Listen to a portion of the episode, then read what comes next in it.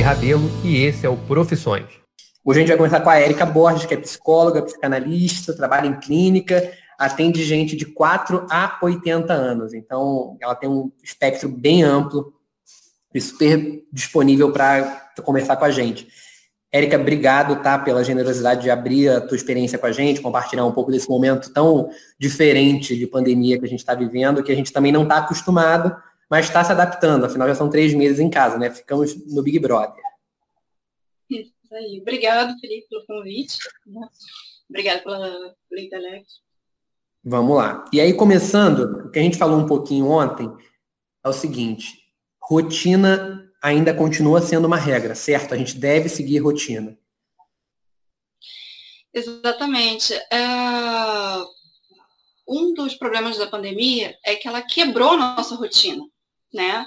É, a gente vive num mundo extremamente acelerado, onde a gente não tinha tempo para absolutamente nada, não tinha tempo para espirrar, não tinha tempo para conviver em família. Quantas vezes a gente não escuta, não fala, né? Ah, eu queria ter mais tempo de visitar minha mãe, eu queria ter mais tempo de passar com meu filho, e de repente esse tempo chegou. Só que não de uma forma planejada, né? Foi uma forma imposta. Então, quando isso acontece, é, a gente acaba ficando sem chão. E a, a tendência é, como uma vez quebrou a rotina, a gente ir para extremos ou a gente fica totalmente desmotivado, né? E aí não faz absolutamente nada. Ou a gente vai para o extremo oposto, que a gente viu, acho, muito mais no início, né? É, quando começou a surgir, começaram a liberar vários cursos é, em diversas áreas, é, uma necessidade de sentir produtivo. Né? Eu escuto muito essas duas extremidades na clínica ou não, eu preciso ser produtivo, eu preciso ser produtivo, uma cobrança gigantesca sobre isso, ou eu não consigo fazer absolutamente nada, não tenho vontade de fazer nada. E manter esse ritmo, né, manter, recriar uma nova rotina é fundamental para a nossa saúde mental. O nosso corpo ele funciona muito a partir de ritmos. Né? Nós temos o ritmo circadiano, que é o nosso ritmo biológico, e ele necessita de horários, né, de rotina, de eu dormir no mesmo horário, de eu acordar no mesmo horário. E outra coisa que a gente vê muito é, são as síndromes ansiosas vendo com tudo. Né? Entraram muitos casos novos de crise de ansiedade. E muitas vezes exatamente por. Ah, eu não, o ansioso está sempre pensando no futuro. Né? Quando você tem uma rotina pré-estabelecida, você já sabe o que, que vai acontecer. Né? Antes da pandemia, né? pré-pandemia, a gente acordava, as crianças iam para a escola, é, os pais iam trabalhar, enfim. E é, era aquela rotina bonitinha, direitinha. De repente, isso acabou. Né? Alguns perderam o emprego, as crianças não estão mais na escola, os pais nunca tiveram tanto tempo com os filhos, três meses, é, bastante tempo. E como que isso vai afetar a gente depende só da gente. Eu posso ver a pandemia como uma coisa desesperadora. Eu posso ficar assistindo diretos noticiários é, contabilizando mortos e isso gerando muita angústia, tanto nos adultos, mas principalmente nas crianças, porque se nós adultos temos a capacidade emocional, né, temos um preparo emocional maior para lidar com isso, e a gente já fica ansioso, a gente já fica com medo, né, já gera depressão. Imagina uma criança que não tem, que ainda está em desenvolvimento. A criança acaba perdendo. Com certeza. E por mais que, de forma indireta, aquela coisa de, ah, criança pequena, não, ah, não está prestando atenção, ela não entende, entende muito bem. E o, o emocional dos pais está altamente ligado ao do filho. Se os pais estão tranquilos, eu consigo passar tranquilidade para o meu filho. A criança observar o pai agitado, o pai ansioso, o pai com medo, ele está absorvendo aquilo também. A criança é uma esponjinha. A diferença é que ela não tem ainda maturidade emocional para lidar com aquilo. Então, esse momento de pandemia, é, a gente pode olhar, mais uma vez, um momento de desespero, de pânico, ai, tiraram minha liberdade, estou trancada dentro de casa, o que, que eu vou fazer? Ou posso olhar como uma oportunidade. Tem um quadrinho que eu gosto muito, que ele fala assim, a vida é muito simples, a gente que complica. Sim. E aí ele faz um esqueminha, que é. Você tem um problema? Aí tem uma setinha assim. Não. Então não se preocupe. Aí tem outra setinha. Sim, tem um problema. Aí vai para outro quadrinho. Esse problema tem solução? Sim. Então não se preocupe, porque ele tem solução. E aí vamos para outra setinha. Esse problema tem solução? Não. Então não se preocupe, porque ele não tem solução. Não adianta você ficar desesperado que não vai arrumar solução. Ou seja, no fundo, não se preocupe. O excesso de informação que a gente tem hoje em dia, na internet, enfim, é uma faca de dois gumes. Pode ser maravilhoso, mas pode ser perigoso também. A gente vê as fake news, tanto para o bem quanto para o mal. E, quer dizer, a informação acho que é sempre para o mal, né? Mas, enfim, é, é saber usar esse volume de informação que é passado para a gente. E aí, retomando um pouco do que você falou, com relação a. Na verdade, uma frase do Will Smith, né, que ele aplicou nas pautas racistas que a gente teve na semana passada e na anterior, que era muito por aí, né? É, na verdade, o racismo não aumentou, diminuiu, a gente que passou a filmar ele. E aí a gente passa a ter conhecimento. O fato da informação é que o mundo não piorou e está mais perigoso e as coisas estão acontecendo mais. Na verdade, a gente está tendo mais acesso e sabendo o que está acontecendo. Necessariamente Exatamente. aumentou a quantidade, né? A impressão é essa, mas na verdade pode ser diferente. É, Aí, e aqui eu... Como continua? Não te cortei, desculpa. Perdão. É filtrar esse volume de informação, né? O que, que eu preciso de tudo aquilo que estão jogando para cima de mim, o que, que efetivamente eu preciso saber? Eu preciso Sim. saber, de fato, o que, que eu vou fazer com um dado de que morreram tantas pessoas no dia, além de ficar assustado. O que eu preciso saber é o que, que eu posso fazer para me proteger e proteger a minha família. Né? E essas regras a gente já aprendeu lá atrás, por mais que seja um vírus novo, então a gente tem pouquíssima informação, por isso também, ora uma coisa funciona, outra, ora não, não funciona mais, o que que se os próprios cientistas estão perdidos, e dirá a gente que não é dessa área. Sim. E excesso de informação, tudo em excesso faz mal, inclusive informação. Sim, justo. Então, é ocupar minha mente. O que, que eu estou consumindo para minha mente ficar bem? Para eu ficar porque a partir do momento que eu começo a, a consumir um volume de informação negativa, não tem como não afetar o meu dia a dia. Vai Sim. afetar meu sono, vai afetar minha alimentação, e aí a gente começa a ver insônia, é, compulsões alimentares, que vão gerando outros problemas mais à frente. Eu falo que sono é sinônimo de saúde mental. Se eu não sei se, eu tô com, se a minha saúde mental está em dia, Fácil, observe seu sono. Você consegue dormir de uma forma tranquila ou seu sono é agitado, é, é picado? Como que é?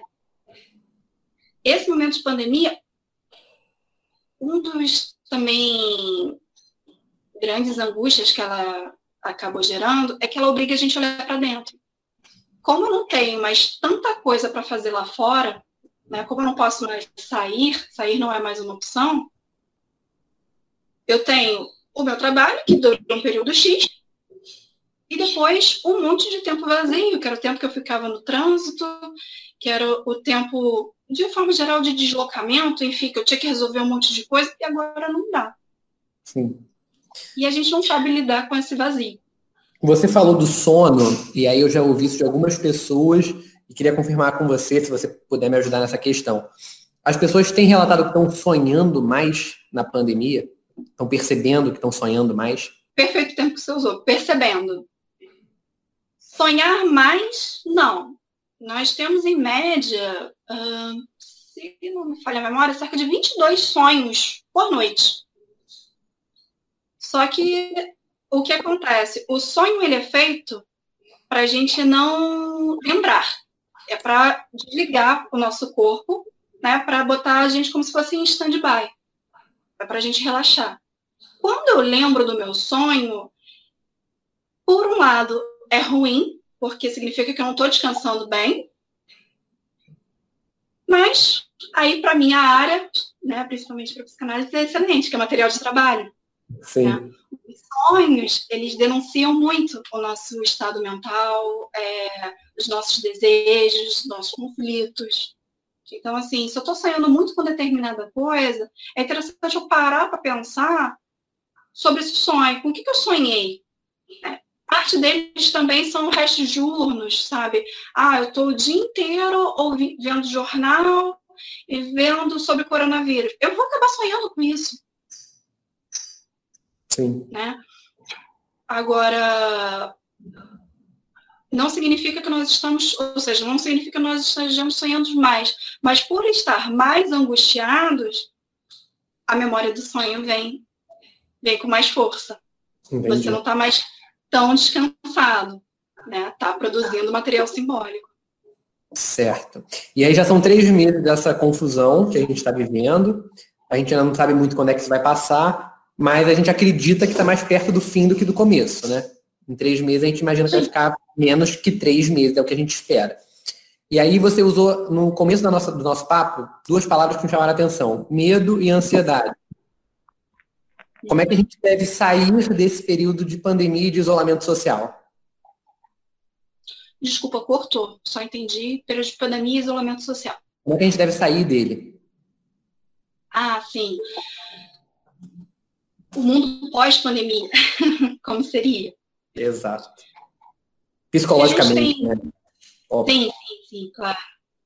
É, o que a gente, que eu vejo muito na clínica é um aumento significativo de procura é, devido à ansiedade, né, crises de ansiedade, seja por preocupação em relação a quanto tempo vai durar, de eu não saber qual é esse prazo final, né? Seja o medo de infectar ou ser infectado pela doença.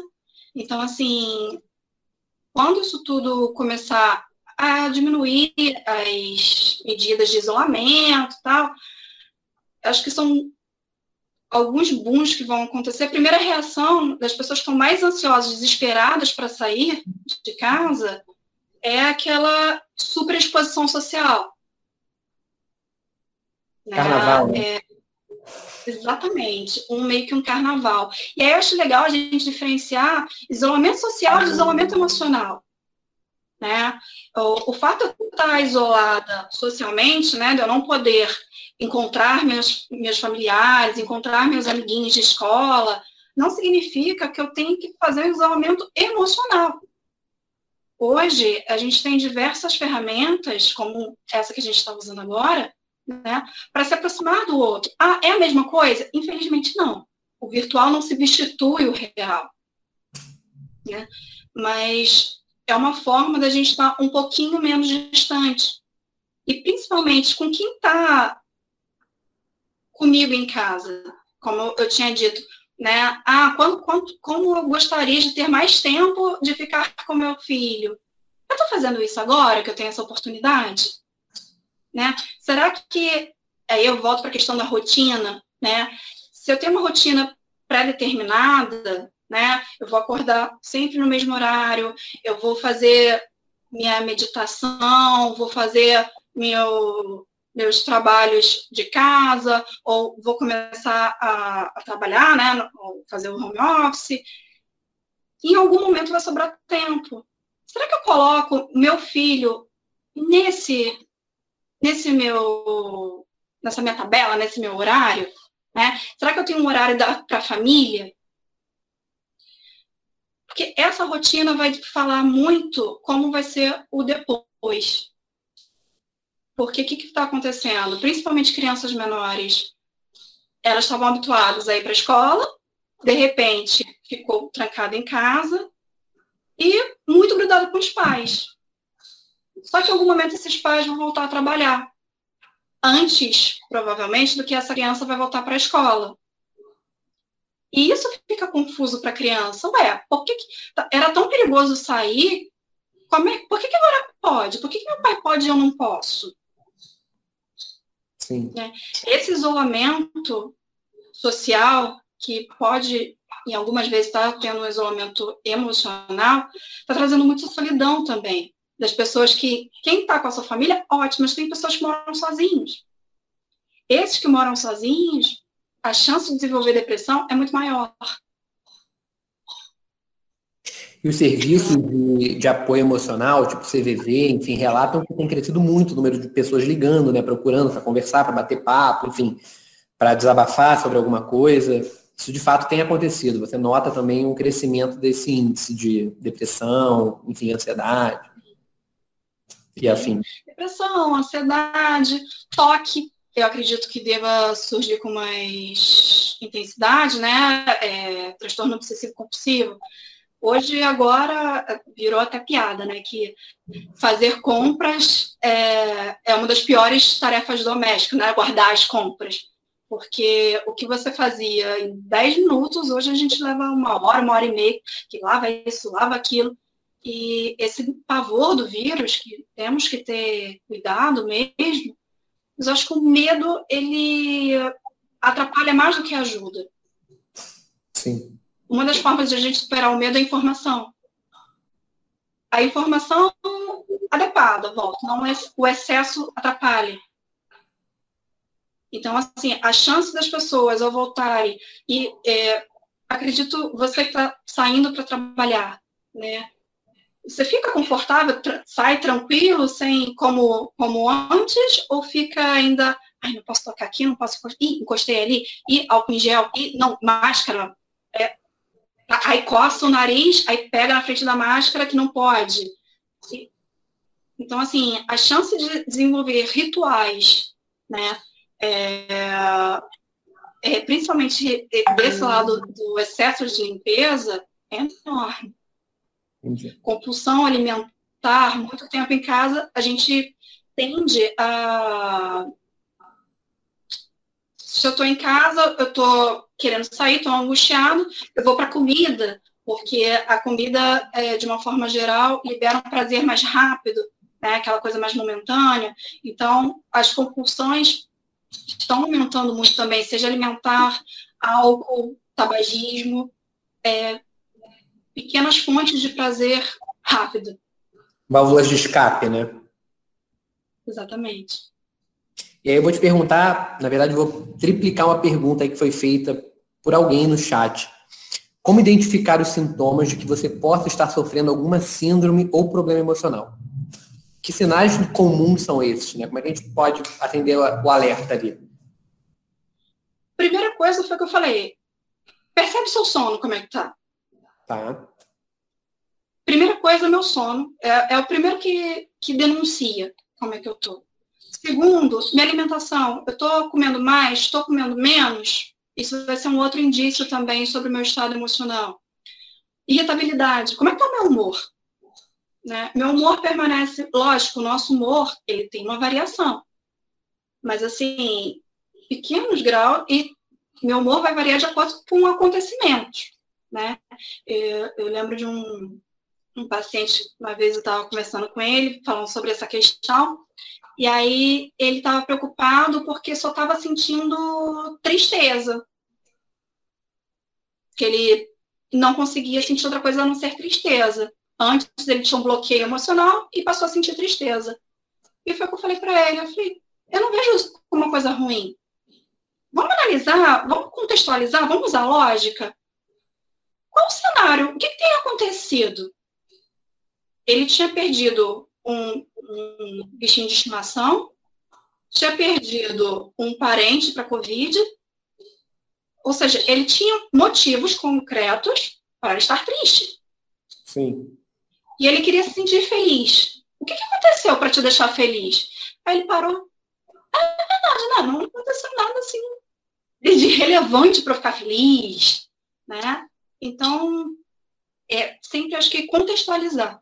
É olhar para dentro, tentar identificar o que, que eu estou sentindo. Por que, que eu estou sentindo isso? Ah, isso é medo?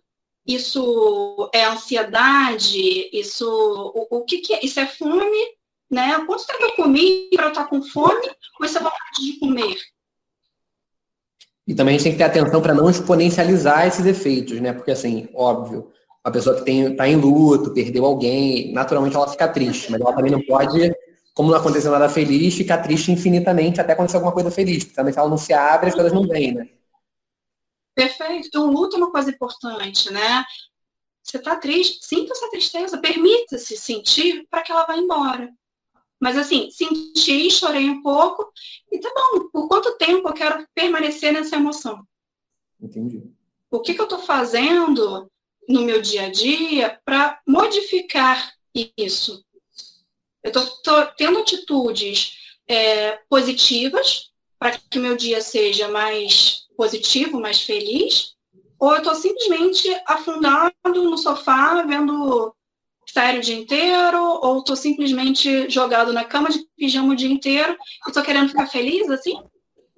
Certo. Ou não, e, e volto, a importância da rotina é isso. É acordei, tomei o meu banho, troquei de roupa, é, tudo bem, eu posso não ficar toda maquiada de salto alto, mas eu preciso me sentir bem comigo. Isso... Eu posso ficar confortável, mas me sentir, mas mexer com meu com a minha vaidade, se eu sou uma pessoa vaidosa, eu preciso fortalecer isso também. Senão vai vir insegurança, tudo para afundar a gente. E esse controle emocional para nós adultos é mais fácil.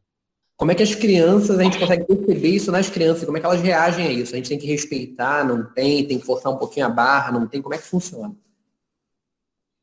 Comunicação é a base de tudo. Eu falo que comunicação e respeito é a base de qualquer tipo de relacionamento.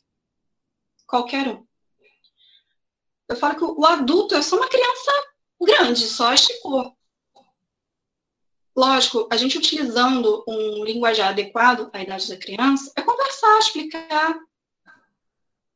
Mostrar que, não, eu também tenho medo. Mas o medo não vai me dominar. O que, que eu estou fazendo para superar? Não, vamos buscar informação aqui para a gente ver se esse medo tem sentido ou não tem sentido. Isso é fantasia ou é realidade? Sim. E a partir daí a gente começa a diagnosticar isso também e a se blindar, certo? Exatamente. E sempre também, perdão, é, na dúvida, eu estou achando que eu estou, o profissional serve para isso. Não custa eu marcar uma consulta pura e simplesmente para fazer. A gente não faz check-up no médico só para saber se está tudo bem se meu filho está bem, se eu. Porque a partir do momento que eu estou desconfiando, já acho que possivelmente tem alguma coisa errada. A gente sabe quando a gente está bem. A gente não está bem e, ah, será que eu não estou bem? A gente nem pensa nisso. A partir do momento que eu parei para pensar nisso, talvez eu não esteja tão bem assim. Não necessariamente seja um caso para uma análise, para um, alguma coisa assim, para uma psicoterapia. Mas é interessante porque eu estou prestando mais atenção nisso. Mas eu me conectar, ter consciência das minhas emoções, ter consciência das coisas que eu estou fazendo, é fundamental. Você tem uma, um exemplo, alguma situação em que a gente tenha, na verdade, como a gente tem não, em como a gente pode e deve respeitar o sentimento das crianças? Como é que a gente pode não diminuir aquilo que ela está sentindo? Sim. É, eu lembro que foi perto do Natal. Eu atendia uma, na época ela tinha quatro anos, essa paciente, e aí ela veio, o pai que havia que trouxe ela para mim nessa consulta, e ela veio com uma bolsinha com um monte de maquiagem. E aí ela, o pai virou assim para mim, olha, ela trouxe para brincar e tal, mas ela combinou com a mãe que ela não ia abrir que ela só ia fingir que ia usar. Falei, ah, tudo bem. E aí eu trabalhei essa questão com. Eu reforcei essa questão do combinado com a mãe, nananana, e expliquei para ela, olha, então, você combinou com a sua mãe, é, combinado é uma coisa muito importante, nananana. Se quebrar o combinado, porque ela tinha uma questão de limite, a gente vai ter que parar de, a gente vai ter que parar a sessão e você vai para casa. Ela não, tudo bem. Entramos. Obviamente, assim que a gente entrou, fechei a porta. A primeira coisa que ela fez, claro que foi abrir. E aí eu, qual foi o combinado? Ela, não, não, eu só vou fingir. Eu falei, ah, então tudo bem. E aí ela foi fingir que estava me maquiando. Só que como ela era muito pequenininha, eu fiquei na dúvida se ela de fato tinha feito de propósito ou se ela tinha me pintado sem querer. E aí eu só dei um primeiro alerta. Um pouquinho mais para frente, novamente, ela me acertou. E aí, só que eu não consegui pegar ainda se foi de propósito ou não. Na terceira eu vi que foi de propósito. E aí eu fui, falei, olha, conforme a gente tinha combinado no início, você quebrou o combinado com a sua mãe, isso é muito feio, por isso, isso, isso, enfim, expliquei. E a gente não vai poder continuar brincando. A gente vai ter que parar a sessão por aqui. E ela ficou, não, me desculpa, me desculpa, me desculpa, por favor. Eu te desculpo, mas combinado é combinado. E ela foi sair correndo, chorando pro pai. E aí eu fui atrás, expliquei pro pai o que tinha acontecido, o pai entendeu. E aí eu falei, olha, e tem mais. É, eu não brinquei sozinha, vamos lá guardar as coisas. Aí ela, não, você quer? Eu falei, eu não brinquei sozinha, vamos lá guardar as coisas, senão semana que vem a gente não vai poder brincar. E ela foi com um bico desse tamanho, mas foi, guardou tudo e voltou. Quando ela, tava, quando ela foi se despedir, o pai virou assim, ah, dá um beijo na tia. E ela, não. Aí, não, dá um beijo na tia, queria brigar com ela. E eu falei, não, não precisa. Ela tá chateada, é o direito dela, ela tá triste, ela não precisa me dar um beijo. Mas tchau ela tem que dar, porque tchau é educação, são coisas diferentes. Então, assim, respeitar nesse sentido, do quando que é educação, e você está ensinando a criança uma coisa importante, e quando é um direito dela de não encostar nela, de não interagir. E o que foi mais incrível é que na sessão seguinte, ela veio para mim super amorosa, super carinhosa e assim, e principalmente entendendo a questão do limite. Né? Tinha um, era perto do Natal, tinha uma árvorezinha que eu, uma paciente tinha dado, e aí tinha uma, e aí criança vê, né, vai direto com o dedinho. E aí eu falei, expliquei para ela que não podia, porque podia estragar e tal, e ela viu uma correntinha que tinha soltado. E na mesma hora ela, ah, isso aqui foi uma menina que não, não respeitou e teve que ir embora, né? Eu falei, isso mesmo. Ou seja, ela pegou, a gente pode ser firme e ser doce com a criança ao mesmo tempo. Não adianta a gente ser extremista. A, não, infelizmente, não, não existe pais perfeitos nem filhos perfeitos.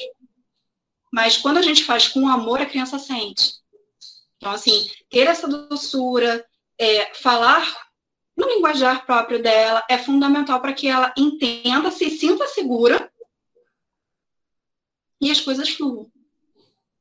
Bom. E aí, Érica, chegou uma outra pergunta também, seguindo essa nossa linha de papo, que fala o seguinte: como é que eu me aproximo de uma criança que é introspectiva? Eu pergunto se está tudo bem e ela me responde que está tudo bem só para não conversar. Como é que a gente consegue furar esse bloqueio que ela impõe para a gente, né? Uhum pelo respeito mesmo, né? Observa primeiro o que a criança está fazendo, né? E a gente pode observar e simplesmente começar a repetir. A gente, se eu sei do que, que a criança gosta, tentar puxar pelo, aquela, pelo assunto que ela gosta, um desenho que ela curta, um, seja um, um, um filmezinho, é, entrar no universo da criança. Né? Mas geralmente, se você ficar do lado e perguntar, posso brincar com você? Porque o tudo bem, hoje em dia, virou vírgula. Eu pergunto, oi, tudo bem? Tudo... E assim, às vezes a pessoa pergunta e a pessoa mesmo responde. Eu não quero saber de fato se você está bem ou não. Virou uma convenção social. Eu costumo falar que nunca pergunte aquilo que você não queira saber a resposta, porque em algum momento podem te responder. Se você não tem tempo para saber como aquela pessoa de fato está, repense se vale a pena perguntar, porque ela pode te responder que não está. Você vai ter tempo para ouvi-la? Vai dar para parar? Né? E a criança provavelmente está vendo alguém reproduzindo isso. Sim. A criança é sintoma da família. Ela reproduz muito. Às vezes por timidez, às vezes não quer por medo, enfim. Mas normalmente você indo pelas beiradinhas, sem ir de forma tão incisiva, né? Chegar, ou chegar com uma novidade, ou ah, eu vi aquele desenho que você gosta. Pode ser que a criança vá se abrindo aos poucos, mas não é um trabalho de um, de um dia só. Se a criança é mais introspectiva, vai ser aos pouquinhos que você vai ganhando ela. E aí não falta tempo para conquistar nessa criança. Sim. Porque tempo está tendo sobra. Vamos lá. E aí, vou te perguntar o seguinte: você falou da rotina e a importância de trazer uma normalidade. Vou voltar para quando a gente sair da pandemia, né? Vamos olhar para o futuro. Uhum.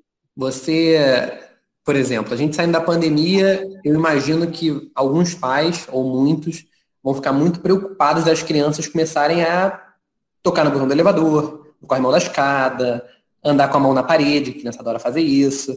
Enfim, e, e, qualquer coisa que bota a mão na boca o tempo todo.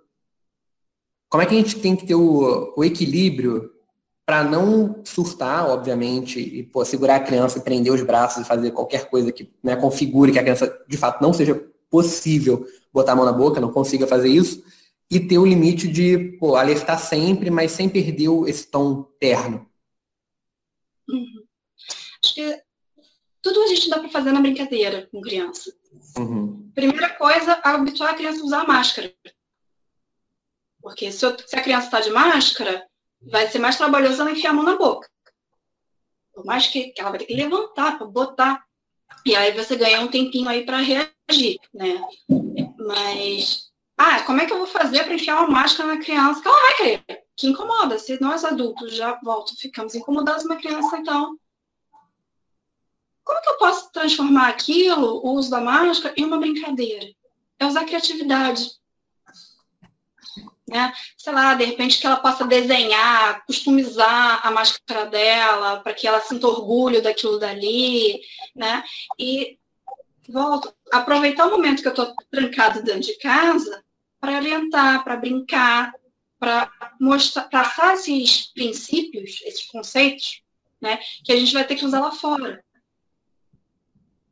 Se eu ficar desesperada, e, e tem criança também que é, que é uma delícia você fala, não faz, ela vai, na mesma hora, você vai chamar atenção para ela fazer. Sim. Aí, se em casa eu já estou habituando a ela, tem crianças que, que desde pequenininha, não, não tem um hábito de ai, colocar. Porque só criança muito pequenininha que coloca, leva o objeto à boca. Né? Porque é uma forma dela estar conhecendo aquele objeto. Né? Ah, vou botar a mão na parede e vou botar na boca. Por que, eu estou ensinando isso desde agora? Criança não aprende da noite para o dia. É, a gente tem que ficar igual papagaio. É trabalhinho, né? É o que eu falo da gente passar responsabilidade, voltando um pouquinho para a questão da rotina, a gente tem que dar responsabilidade para a criança desde pequenininho. Tem uma tabela que eu gosto muito, a tabela montessoriana, que ela coloca a idade da criança e o que, que cognitivamente a criança já consegue fazer a partir de da idade X. Para você ter uma ideia, a tabela começa com dois aninhos.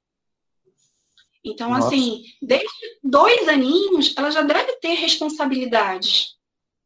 E aí, quando ela tiver 14, 15, ela já vai entender que brincou, guardou. Lógico que com dois aninhos, ela não tem a, responsa a mesma responsabilidade que uma criança de 10 anos.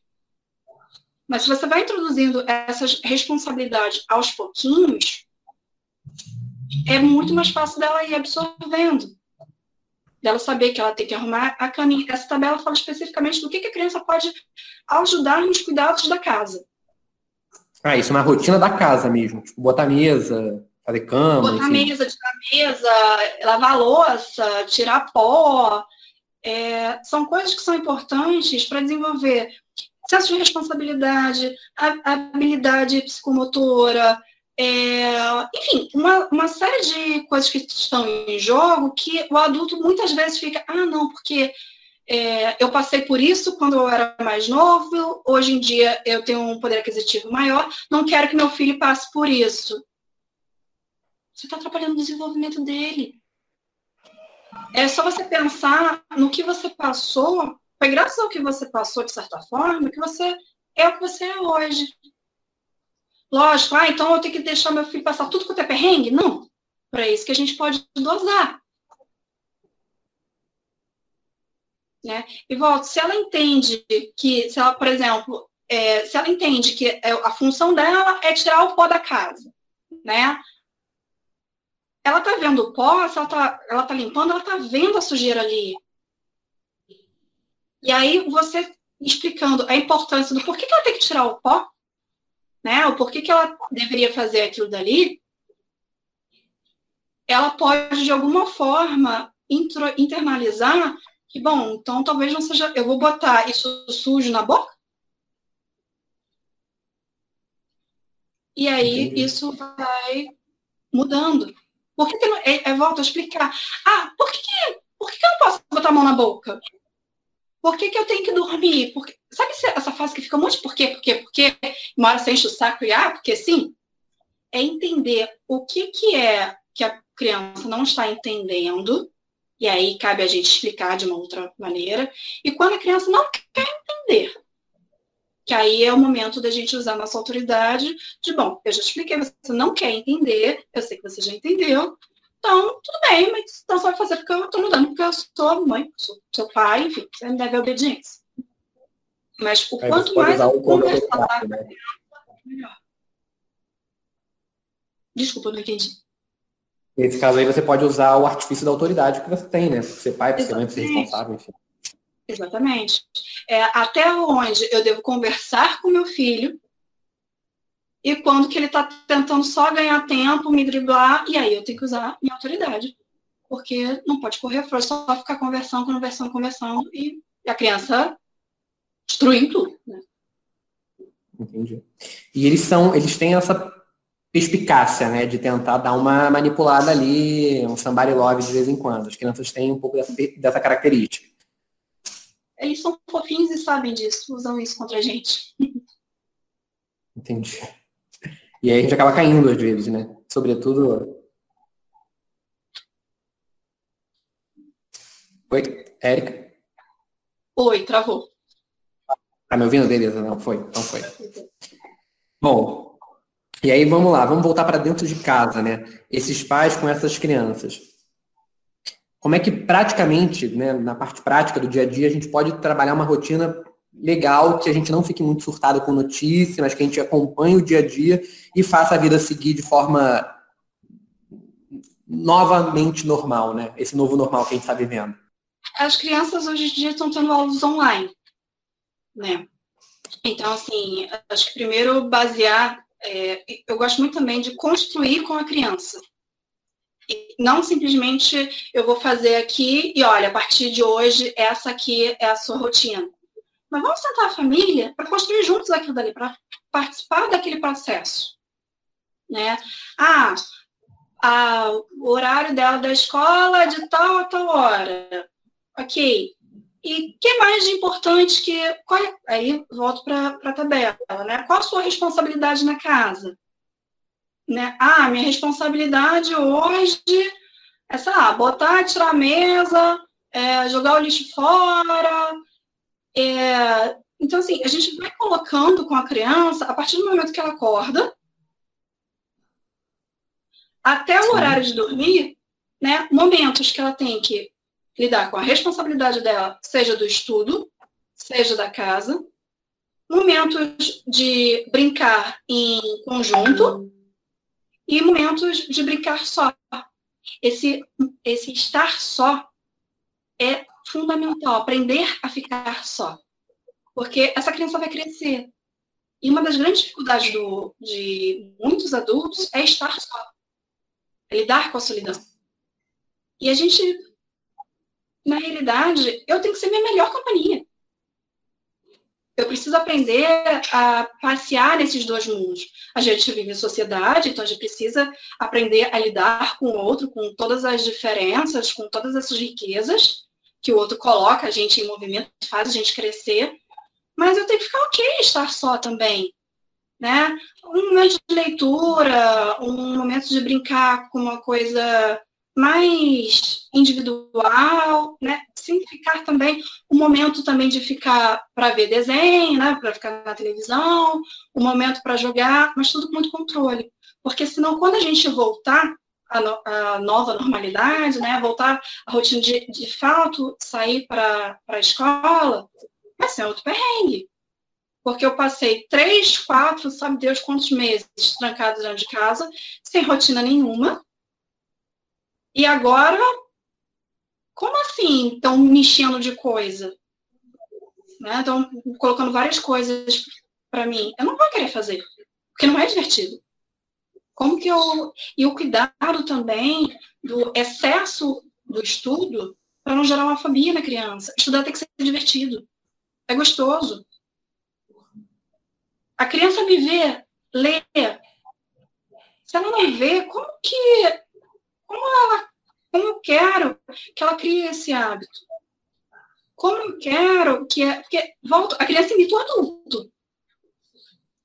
Se eu fico o dia inteiro no celular, eu não posso falar com a criança que ela está o dia inteiro no celular. Que hoje ela pode ser pequenininha e não conseguir, ah, mas você também fica. Mas temos que ter uma linguinha maravilhosa que vai, que vai mandar e você vai ter como argumento. Sim. Então, assim, o que eu estou ensinando, transmitindo para o meu filho de forma direta, aquela forma oral, e de forma indireta, que ele só está observando. Se eu grito para me comunicar, a minha filha ou meu filho vai entender que é assim que se comunica, ele só vai se comunicar gritando. Se eu falo baixo, se eu falo com doçura, ele vai entender que eu não preciso berrar, que eu no grito eu não vou conseguir. Né? Você está gritando por quê? Aí, contrário, fala mais baixo ainda. E a gente tem um peso também de que as crianças vão repetindo muito comportamentos adultos. Mas quando elas estão sendo muito autênticas, a gente também reprime um pouco, né? Desculpa, travou de novo. Só entendi reprime um pouco. Então, quando as crianças são muito autênticas, a gente acaba reprimindo às vezes, porque a gente acha que ela está muito para frente. Tem que ter esse equilíbrio. Sim, e o cuidado porque volto. Lembra como, como se era quando criança? E isso, o que fizeram com a gente, vai deixar marcas para frente.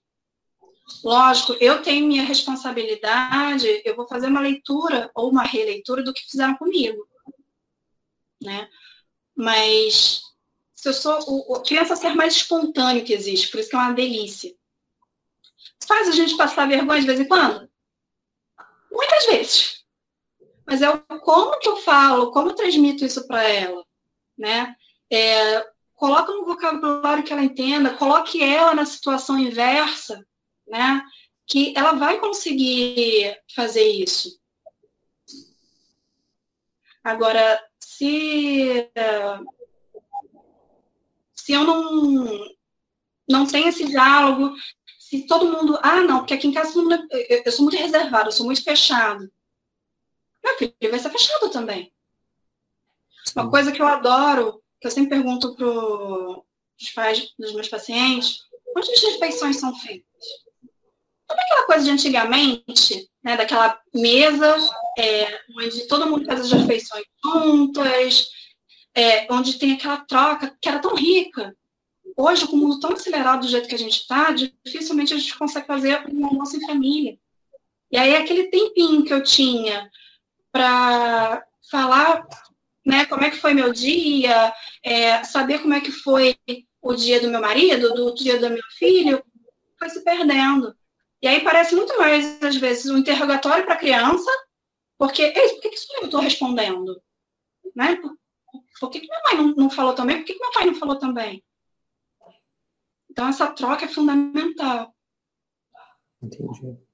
O Matheus mandou uma pergunta para a gente, que ele fala o seguinte: aqui em casa a gente lê muito. Sempre li para os meus filhos, comprei o livro com o tema favorito dele, mas infelizmente ele não gosta de ler, ele tem resistência à leitura. O que, que eu devo fazer? Eu devo obrigar? E o Matheus reporta que nunca obrigou, porque ele acredita que a leitura é um prazer. Perfeito. Perfeito. Tem que, aí é interessante tentar descobrir o porquê essa resistência da leitura. Né? O que está acontecendo? Ele tem vergonha de, de ler é, em voz alta, ele. Porque assim, ele tem o exemplo. Show. Mas será que ele tem alguma dificuldade? Será que de repente ele tem uma dislexia? O que está acontecendo é, para ele não gostar? Né? Não sei qual idade tem, tem, tem o filho dele, né? Mas, mas aos pouquinhos, é, ele vendo, principalmente temas que ele gosta, é, é legal também deixar sempre à vista da criança o livro. Será que ele não lê porque de repente fica muito tempo em internet, muito tempo em televisão? Como que como que isso fica, né? Ele não está lendo, ele está fazendo o quê? Mas obrigar nunca é legal. Vamos fazer um clubinho da leitura, vamos cada um ler um pouquinho esse livro, vamos ler juntos, né? Pensar em estratégias que a gente pode incentivar tornar aquilo uma coisa engraçada. É, de acordo com a idade da criança. Sem saber a idade fica um pouco, um pouco difícil, assim. Mas ele já tendo o exemplo em casa, já é um caminho dado mas talvez valha a pena investigar se ele tem alguma dificuldade é, no, no, na, de leitura mesmo, como isso que eu falei, do, por exemplo, é, uma dislexia, algum, algum tipo de transtorno assim que poderia atrapalhar.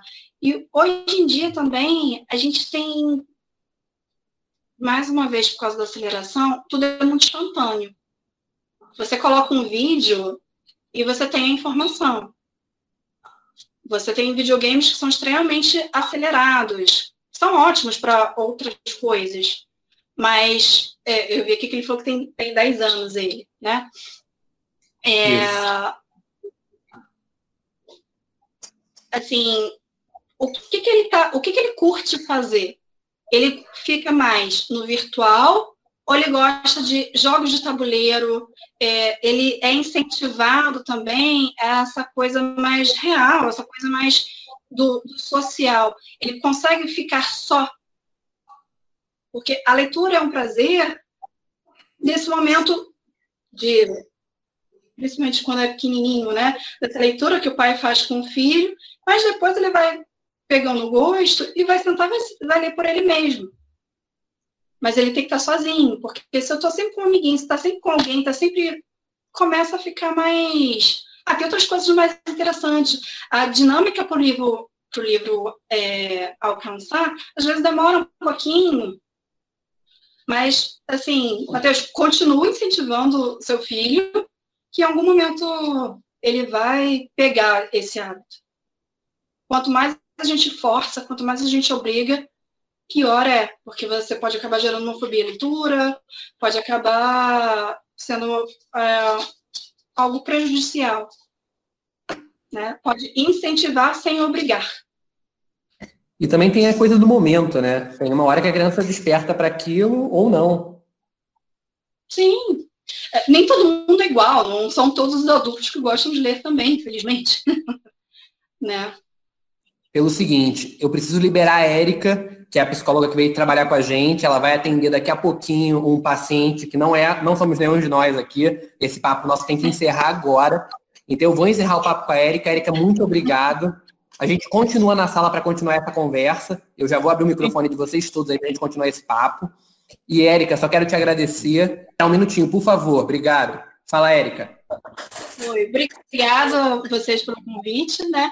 E desculpa, realmente, eu tenho que sair rapidinho, gostaria muito de continuar o debate, mas eu preciso de fato sair.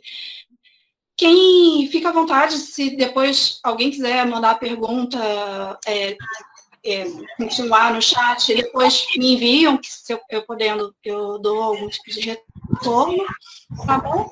E eu estou pertinho de vocês, estou do outro lado da rua, então qualquer coisa, vou focar em. Os pais têm que ficar. É...